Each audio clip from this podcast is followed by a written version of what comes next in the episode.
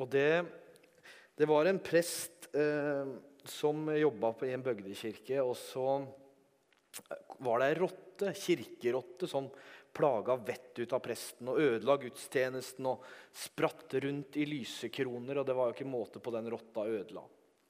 Eh, så til slutt så gikk presten på en ordentlig smell, så han måtte tre måneder på Modum Bad. Eh, så han sa til kjerketjeneren at nå må du gjøre alt som står i din makt for å bli kvitt den rotta, for den ødelegger hele livet mitt. Eh, og Han var tre måneder på Modum Bad og kom tilbake, og kjerkerotta var vekk. Og Så spurte han kjerketjeneren hva i himmelens navn har du gjort med den rotta. Nei, sa kjerketjeneren, jeg gjør som vi gjør her i kirka. Jeg døpte den og konfirmerte den, og siden har jeg ikke sett den. Dere skjønner hvorfor den ikke havna i så god jord under konfirmasjonen? Nei, altså Jeg heter Stian Hansen, er 34 år, jobber som evangelist i eh, Hånes frikirke. Eh, har jobba der nå i ca. ett år. Eh, bor på Jernesheia, gift med Malin, to barn, to biler, et hus ja, og masse gjeld. Men når Rune sendte meg, sendte meg mail og ringte meg, så var det én ting han var ute etter, og det var han ganske klar på. Eh, og det var at jeg skulle komme hit for å dele mitt vitnesbyrd. Eh, og det har jeg tenkt å gjøre. Eh, og det starta da en marsdag i 1984, hvor jeg da blir født. Og jeg blir født inn i en familie hvor både mor og far er rusmisbrukere. Eh, men i 84 så var ikke barnevernet like på hugget som det de er i dag. Så jeg vokste da opp med disse to menneskene. Eh, og når jeg var rett før min ettårsdag, så hadde min mor og far eh, planlagt å reise på fest. Og for at de skulle kunne reise på fest, så måtte de egentlig ha barnevakt. og det fant de ikke, Så da fant de fram lekegrinda. Og så plasserte de meg oppi lekegrinda, og så reiste de på fest. Eh, og glemte at de hadde en liten gutt i lekegrinda. Og 24 timer etterpå så kom barnevern og helsepersonell og politi eh, og henta meg og flytta meg over i, i institusjon og, og, så inn i fosterhjem. Så det var, det var min start på livet. Eh, og eh, vokste opp i fosterhjem. Eh, når jeg er syv år gammel, så hadde min mor eh, hun ønska å få tilbake foreldreretten over meg og min halvbror, så hun hadde reist på avrusning. Eh, og så var det en uke hun var hjemme på permisjon, eh, og under den uka så var hun da sammen med sin daværende ektemann. Og De to havna i en krangel, eh, og han tok en kniv og knivstakk henne rett igjennom hjertet. Så han kjørte kniven tvers igjennom, og hun døde momentant. Eh, og dette påvirker jo en ung guds liv. Eh, det skaper et mørke, og det skaper et, eh, masse sinne og aggresjon. Så jeg husker når jeg gikk i andre klasse på barneskolen da, da, Jeg likte ikke de fra Smiths venner den gangen, husker jeg. Så jeg husker jeg banka opp en fra Smiths venner når han gikk i sjette klasse, og jeg gikk i andre klasse. Så kan tenke dere hvor mye aggresjon som da prøvde å komme ut av den lille kroppen. Eh, og når jeg da begynner på ungdomsskolen, så jeg må også ta med det, jeg er jo også døpt i en vanlig norsk tradisjonsdåp i Den norske kirke.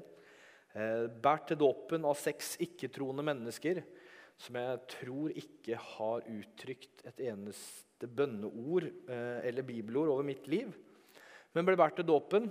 Eh, og som 13-åring så, så, drikker jeg meg full på hjemmelaga ripsvin for første gang. Og som 14-åring så eh, prøver jeg hasj for første gang. Og jeg husker vi var eh, i konfirmasjonsundervisning. Eh, og presten måtte ut for å ta en telefon, for han hadde eh, tjenesteuke. Dvs. Si at han måtte reise på hjemmebesøk ved dødsfall osv. Så, videre.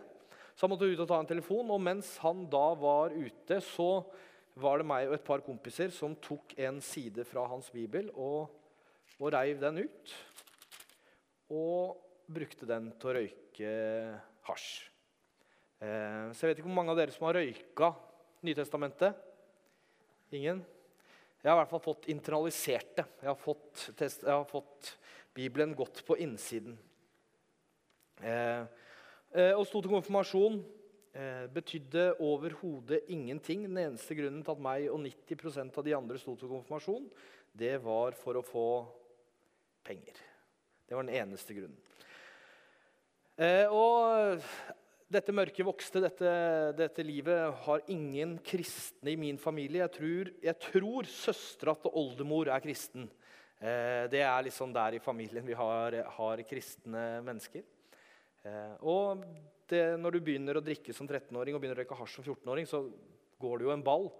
Eh, og som 17-åring så prøvde jeg amfetamin for første gang. Eh, meg, prøvde å utdanne meg til murer. Den eneste grunnen til at jeg skulle utdanne meg til murer, var ene og alene, for da kunne jeg jobbe mye svart. Ja, så Når det er liksom grunntanken din med utdannelsen, så, så skjønner du at det må gå gærent. Eh, og Som 17-åring så havner jeg også i bilulykke. Eh, får over 250 brudd i høyresida og sitter fast i bilvraket i halvannen time. Da husker jeg jeg har en tanke, og den tanken er at noen mennesker og da tenkte jeg spesielt på de kristne, er født med en sølvskje så langt opp at ikke de klarer å få den ut engang, mens noen av oss andre må virkelig kjempe for hvert eneste skritt her i livet. Så jeg mente det var ufattelig urettferdig. Eh, og så var det mye slåssing. Sitte i fengsel tre ganger. Eh, har eh, slått ned mennesker med jernstang. Har på en måte virkelig utagert. Og jeg husker han som drepte mamma, han skulle vi virkelig finne. Han fra, er fra et sted som heter Kragerø. Og meg og en, en del andre vi hadde pakka bilen ferdig eh, med kompressor, spikerpistol, balltre og tau for å reise ned til han. Og Vi skulle binde, finnen, vi visste hvor han bodde. finnen, binde fast et tre. Vi skulle knuse kneskålene hans med det balltreet. Og vi skulle eh, spikre ballene hans fast til treet med spikerpistol. Det var intensjonen og planen med, med, med, det. Heldigvis så streika bilen. Vet ikke om det var noen som var eh, sørga for det. Etter dette så husker jeg i 2006 så var jeg på eh, noe som heter syretripp. Noen som har vært på syretripp? Ingen? Nei. LSD Eh, det er et av de mest potente hallusinigenene som eksisterer. Funnet opp av Albert Hoffmann i 1938. Eh, og det er veldig veldig skummelt og veldig, veldig farlig. Det sitter mange på psykiatrisk eh, i Ravndalen som har ikke landa helt enda siden 70-tallet. Men når jeg prøvde dette her, så fikk jeg en følelse av, eller jeg fikk mer enn en følelse, jeg fikk en forståelse av at det fantes mer mellom himmel og jord enn jeg klarte å se, forstå og oppfatte.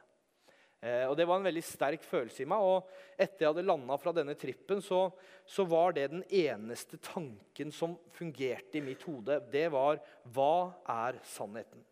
Det var en eksistensialistisk krise i mitt liv. Og når den først kommer, så er det umulig å riste den av seg.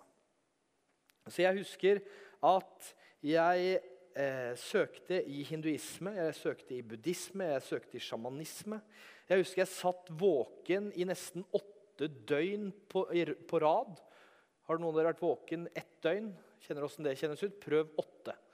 Eh, og I de åtte døgna så satt jeg og leste 24 timer i døgnet Platons Timoteios. Det er da Platons redegjørelse for idélæren og hans etiske forståelse, og hva er skjønnhet, hva er sannhet osv. Eh, og etter de åtte dagene så var jeg tre dager på psykiatrisk. Ja, bare for å lande inn, eh, inn igjen. Eh, det ga meg ikke så veldig mange svar, det ga meg vel egentlig bare flere spørsmål. Hinduismen ga ikke noe fred, buddhismen ga ingen fred, sjamanismen ga meg forklaring på en del ting. Eh, sjamanisme det er jo dette indianerne driver med, Eh, samene driver med, og veldig mange hippier og den type new agere, eh, så er sjamanismen en veldig eh, relevant forståelse. At det er en åndelig dimensjon. Det er en immanent, altså en, en, virkelig dimensjon, en fysisk dimensjon. Og så er det på en måte noen som bestemmer hvem som kommer frem og tilbake inn i disse dimensjonene. Men det ga aldri noe fred. Så husker jeg at i, i 2008 så var jeg sammen med en kamerat. Eh, og Han sitter nå inne for et eh, overdosedrap. Han første mann dømt for overdosedrap i Norge. Eh, han sitter på 20 år.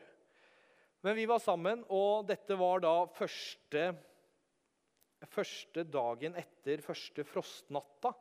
Og vet dere hva som skjer første dagen etter første frostnatta? Anyone? Fleinsoppen er potent. Det skjer akkurat i den overgangen. Første frostnatta, og da er fleinsoppen potent. Så hvis dere nå, nå kommer den straks. Hvis dere ser da sånne gamle 30-40-50 år gamle hippier som står med rumpa i været rundt omkring, så er det fordi de er ute og plukker fleinsopp. Eh, I en eller annen grøftekant eller et eller annet annet sted. Og det skulle vi da gjøre. Og lykken hadde seg sånn at kirketjeneren i Bamble kirke han kom opp for å spørre oss om vi kunne hjelpe han på kirkegården.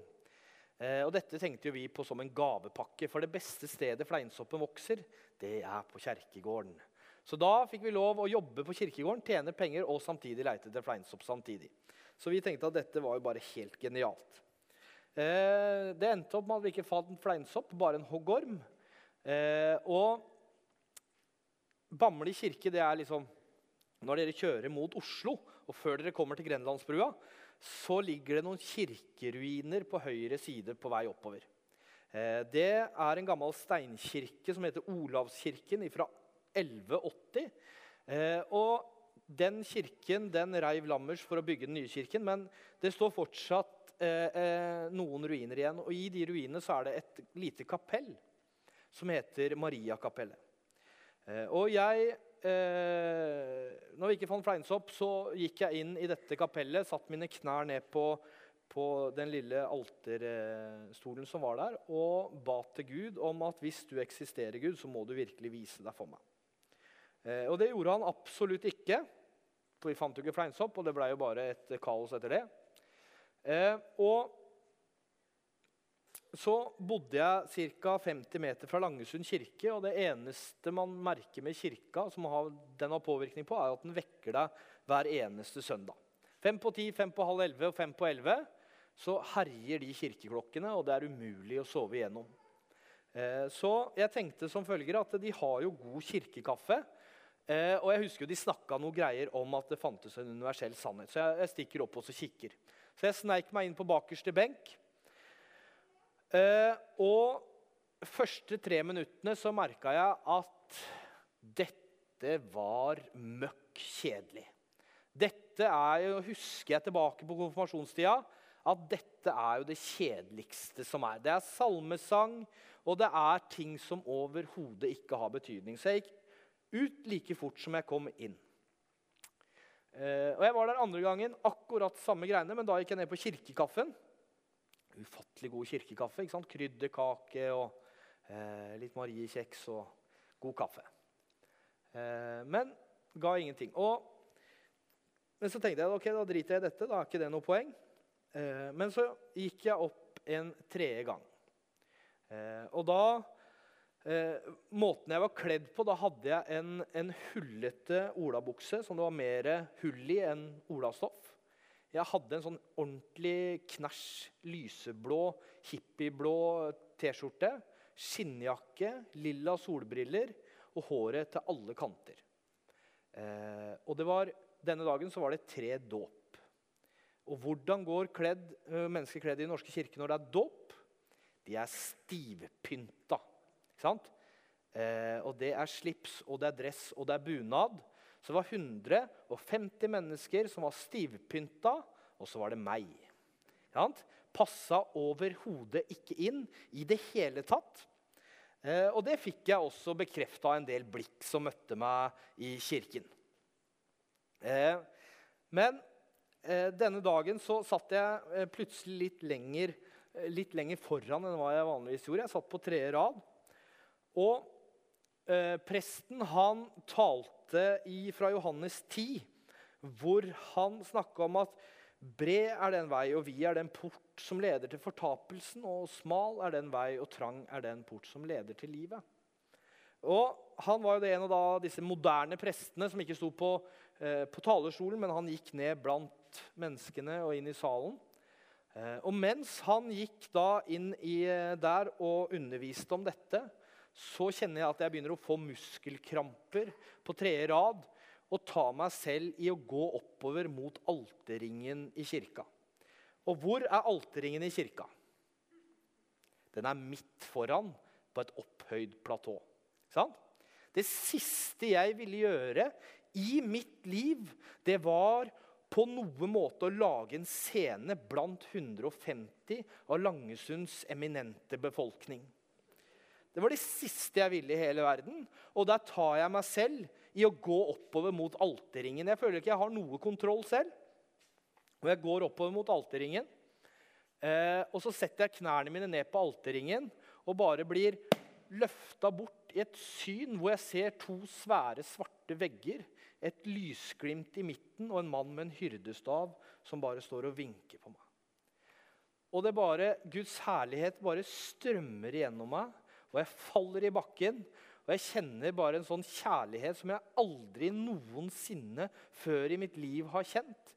Og jeg reiser meg opp og roper ut i salen 'Det er jo sant! Det er jo sant!' Og de gamle damene på første rad dere skulle betalt penger altså for å se ansiktsuttrykket deres.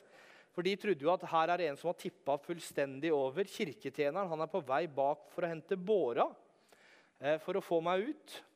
Men Heldigvis så satt det et par på bakerste rad som var pinsevenner. Så de skjønte jo at her, her er Den hellige ånd på gang. Her skjer det et eller annet. Så de, det ekteparet gikk da frem, og hun, hun, tok på meg. Og hun sa det i ettertid, at når jeg tok på deg, så var det som å kjenne 10 000 volt som bare stakk gjennom kroppen min. Eh, og disse er faktisk mora og faren til hun som er pastor i Hilsong her i Kristiansand. Så hun kan bekrefte det. Eh, og denne dagen ble totalt forvandlende for mitt liv. Jeg trodde ikke jeg visste at Jesus fantes. Jeg gikk fra å være et rasshøl av dimensjoner til å bli en person som ikke klarte å ljuge eller å banne lenger. Og når du, hele vokabularet ditt består av banneord, så blir det sånn du, har, du, du, klarer jo ikke uttrykke deg på noen måte. Eh, og så kom presten til meg så sa han det at Stian, nå kutter du ut all den driten du driver med, men så skal du få lov å fortsette å røyke hasj. Ja, det er sognepresten sin, tenkte jeg da. Han har skjønt det. Eh, men så var problemet at Jesus hadde begynt å jobbe på innsida. Så gikk jo tre måneder, så kutta vi ut hasjen også.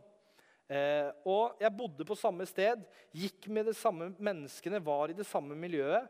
Men steg for steg så ble jeg totalt rusfri. Og hver eneste ruskonsulent i hele Norges land vil si at det er det dummeste du gjør. Jeg husker hun dama på Nav som hadde ansvaret eh, for, for, meg da, og en del andre. Hun sa, der, hun sa til presten det at det, det der er bare å glemme. Han kommer aldri til å klare det. Og da sa presten Da kjenner ikke du Jesus. eh, og jeg har vært tilbake på Nav. Jeg blei ansatt på Nav i 2011. Og hun jobba ikke på Nav lenger. Eh, men perioden etterpå så, så, begynte jeg å jobbe som kirketjener. Eh, I 2010 så begynte jeg på bibelskole i Grimstad. Eh, og det som er litt spennende med den bibelskolen i Grimstad det året der, det er at eh, jeg holder en rekord på bibelskolen i Grimstad. Jeg er den første bibelskolestudent gjennom bibelskolen i Grimstads 30 års historie som har sittet i fengsel mens han har gått på bibelskole. Hæ? Det er en god eh, liksom å notere på veggen. Eh, men greia var at jeg hadde jo sittet i fengsel to ganger før dette. Og da, jeg, da passa jeg midt inn i fengselet. Jeg var akkurat som alle de andre. Denne gangen så satt jeg inne i påska i 2011. Og Det første som møter meg, er en sånn gammel, hardbarka eh, hjemmebrentselger som sier til meg, så ser han på meg og sier han, du passer ikke inn her. Jeg skjønner ikke hvor han tok det fra. Han, ante ikke hvem jeg var. Han var fra Hokksund. eller noe. Han bare sa du passer ikke inn her. Og det hadde han helt rett i, for jeg hadde jo med meg Bibelen min. Og jeg hadde med meg eh, forskjellige bøker av C.S. Lewis, og jeg skulle jo ta disse 14 dagene som retreat. Retreat på hoff. Eh, men det som skjedde, var jo at eh, muslimene og sånn, de hadde fått tilrettelagt med toaletter, med mat. De fikk lov å be fem ganger om dagen. Og Da tenkte jeg at da er det jo naturlig at jeg får lov å gå i kirken på palmesøndag og på skjærtorsdag og langfredag. Eh, og det fikk jeg beskjed om at det kan du bare drite i. Eh, og så spurte jeg om kan jeg få lov, vil dere skrive ut for meg tre salmer. Eh, trosbekjennelse og synsbekjennelse. Skal jeg snekre korset mitt sjøl, og så tar jeg gudstjenestene her i fengselet. Og det, hun, hun dama, eh, fengselsbetjenten, hun kikka litt rart på meg. Selvfølgelig skrev mange eksemplarer tror du du trenger. Jeg sier jeg trenger 15 eksemplarer. Og Hun skrev ut 15 eksemplarer og sa over calling-anlegget nå er det gudstjeneste på avisrommet. Og da kom jeg med Bibelen, 15 sånne blekker med ark, et kors som var to ganger én meter, som hadde snekret pallesnekreri, som jeg hadde snekra opp på verkstedet, og gikk over hele gårdsplassen der sitter det da 110 fanger med tatoveringer over ørene og sitter inne for Gud vet hva. Eh, og jeg går over den plassen der med korset over skuldra. Og 32 stykker kom på gudstjeneste. Hoff fengsel i 2011. Og de kom på palmesøndag, de kom på skjærtorsdag, de kom på langfredag, de kom første påskedag. Fem av de valgte å ta imot Jesus. De sang salmer som et kråkekor. Det er noe av det vakreste jeg har hørt.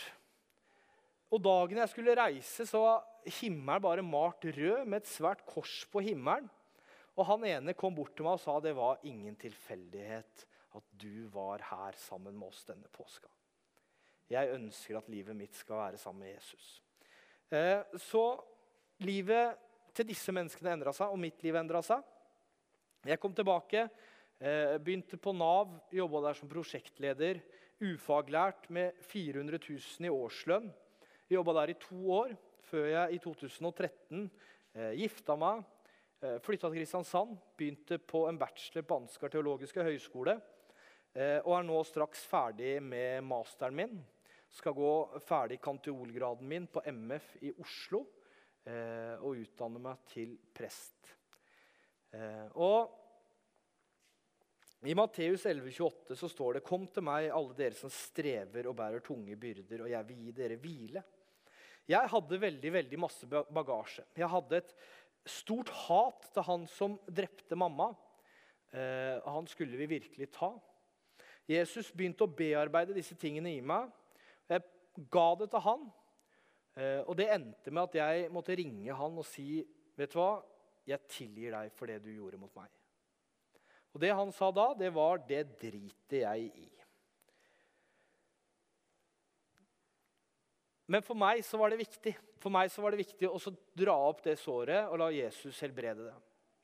Eh, og så var det En annen ting som slo meg veldig tydelig, og det var rett etter jeg var blitt eh, en kristen på ny, eller blitt kjent med Jesus på ny. og det var eh, Søk først Guds rike og hans rettferdighet, så skal du få alt det andre i tillegg. Gjennom hele mitt liv så hadde jeg jaga etter å bli anerkjent. Jeg hadde jaga etter å tjene penger, mest mulig penger. Jeg hadde jaga etter alt mulig som skulle gjøre meg lykkelig. Altså, Jeg vet ikke hvor mange av dere som har prøvd ecstasy. Sikkert ingen. Eh, jeg har prøvd ecstasy ganske mange ganger.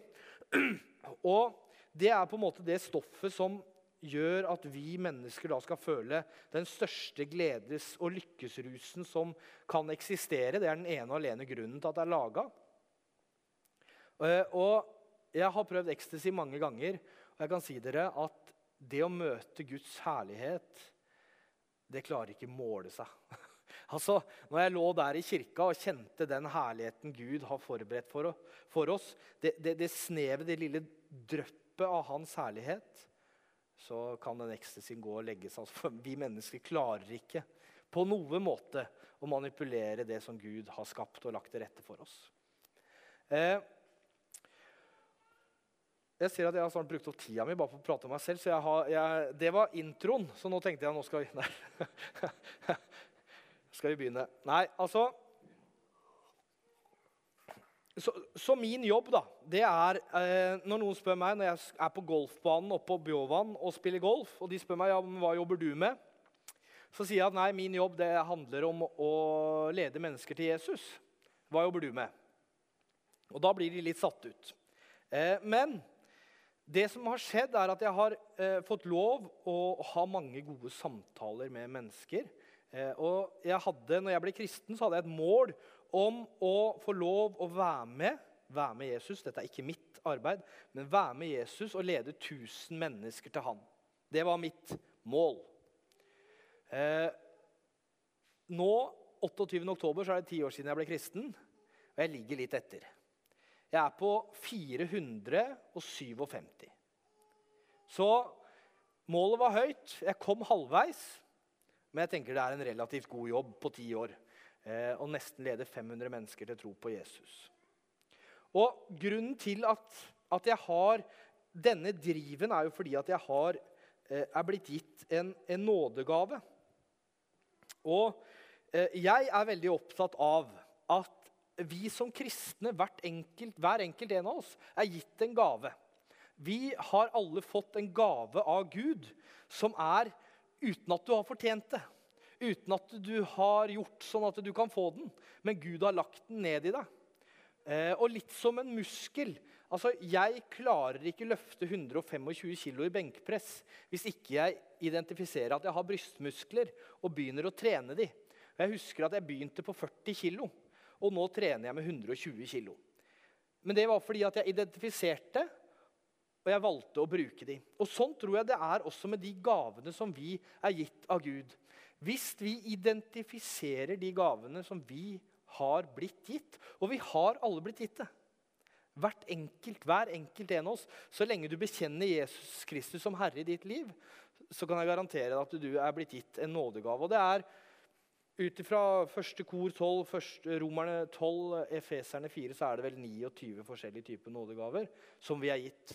Eh, men for meg så er det eh, utrolig viktig at vi kommer i gang med de, fordi at det, eh, Uansett hvordan vi vrir og vender på det, så var det sånn at de første 300 årene av kirkens historie så gikk kristendommen ut så bredt som den aldri hadde gjort tidligere fordi det ikke hadde vært noen kirke tidligere, kanskje, men den, den gikk utrolig breit ut. Og grunnen til det var at eh, når Jesus i Johannes 13, eh, vers 32, et eller annet sånt nå, så står det det at eh, når dere skal elske hverandre slik som jeg har elsket dere. På denne måten skal de se at dere tilhører meg. De hadde et samhold.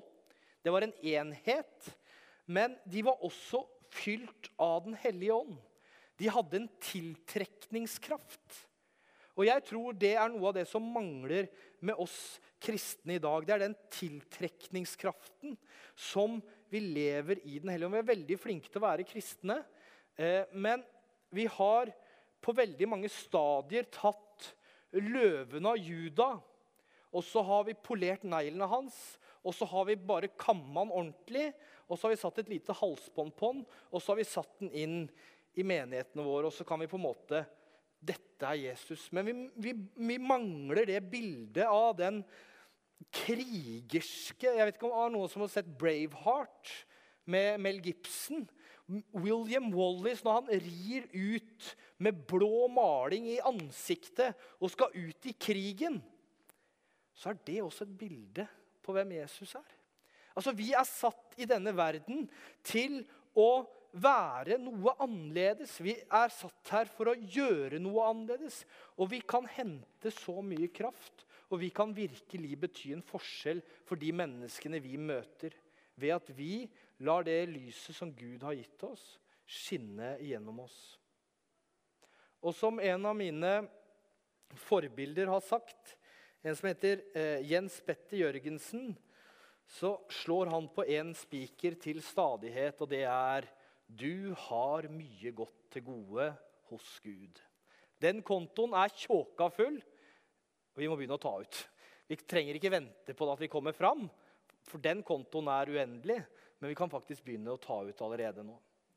Ehm, så etterpå skal jeg, jeg har det som kalles en profetisk nådegave. I går så satt jeg, eh, jeg var i Ytre Randesund misjonskirke. Eh, og under, hadde en preken og andakt for ungdommene der. Og spurte om de ville komme til forbønn. Og Først var det ingen som torde. Til slutt så ble jeg sittende fra klokka var kvart på åtte til klokka var kvart på elleve og be for ungdommer i ett eneste kjør. Eh, og Det var fordi at det kom to stykker hvor Gud brukte meg til å tale inn i livene deres. De kom ut med tårer. Da kom det fem til. Og så plutselig brukte Gud meg til å tale inn i deres liv. Og så kom det plutselig, bare sto de på kø på utsida. De ble jo aldri ferdig, de to ungdomsarbeiderne som jobba der. De blei helt satt ut. Og så kom det to foreldre til slutt så sa det at vi måtte inn her og sjekke hva det greiene her var for noe. For når sønnen vår på 16 kommer til oss og sier 'Mamma og pappa, dere må gå til forbønn!' 'Dere må komme dere inn til forbønn!' Altså, da, da, hadde vi ikke noe valg. Ikke sant? Eh, jeg, for jeg tror at Gud ønsker å bruke oss for å istandsette oss og, og, peke på noen ting inn i livet vårt. Så jeg, jeg vil gjerne be for dere, alle som en, eh, etterpå. Eh, hvor det er, det vet ikke jeg, men det er der, ja. Eh, så skal jeg ikke bruke mer av tida deres. Men nå vil jeg bare avslutte med å be en liten bønn. Takk, Herre Jesus, for at eh, du går foran oss, du går bak oss, du går ved siden av oss. Du er over oss og under oss. Du legger til rette for oss. Herre, jeg ber om at vi har øyne som ser de mulighetene som du legger til rette. Herre, jeg ber om at du gir oss øyne som ser de menneskene som virkelig trenger vår hjelp. Herre, jeg ber om at vi skal være redskaper i dine hender, sånn at vi kan nå ut og bety en forskjell for menneskene i vårt nærmiljø og i våre relasjoner. Herre, lær oss å følge dine veier. Lær oss å bare få lov å hvile i deg, hente kraft hos deg og gå utrusta i kampen som foregår hver dag, med ditt ord med ditt evangelium om føttene og med ditt ord i hendene. Takk, Herre, for at du har gjort i stand for oss et rike som vi kan kjempe for, og som vi kan få lov å hvile i til evig tid. I Jesu Kristi navn. Amen.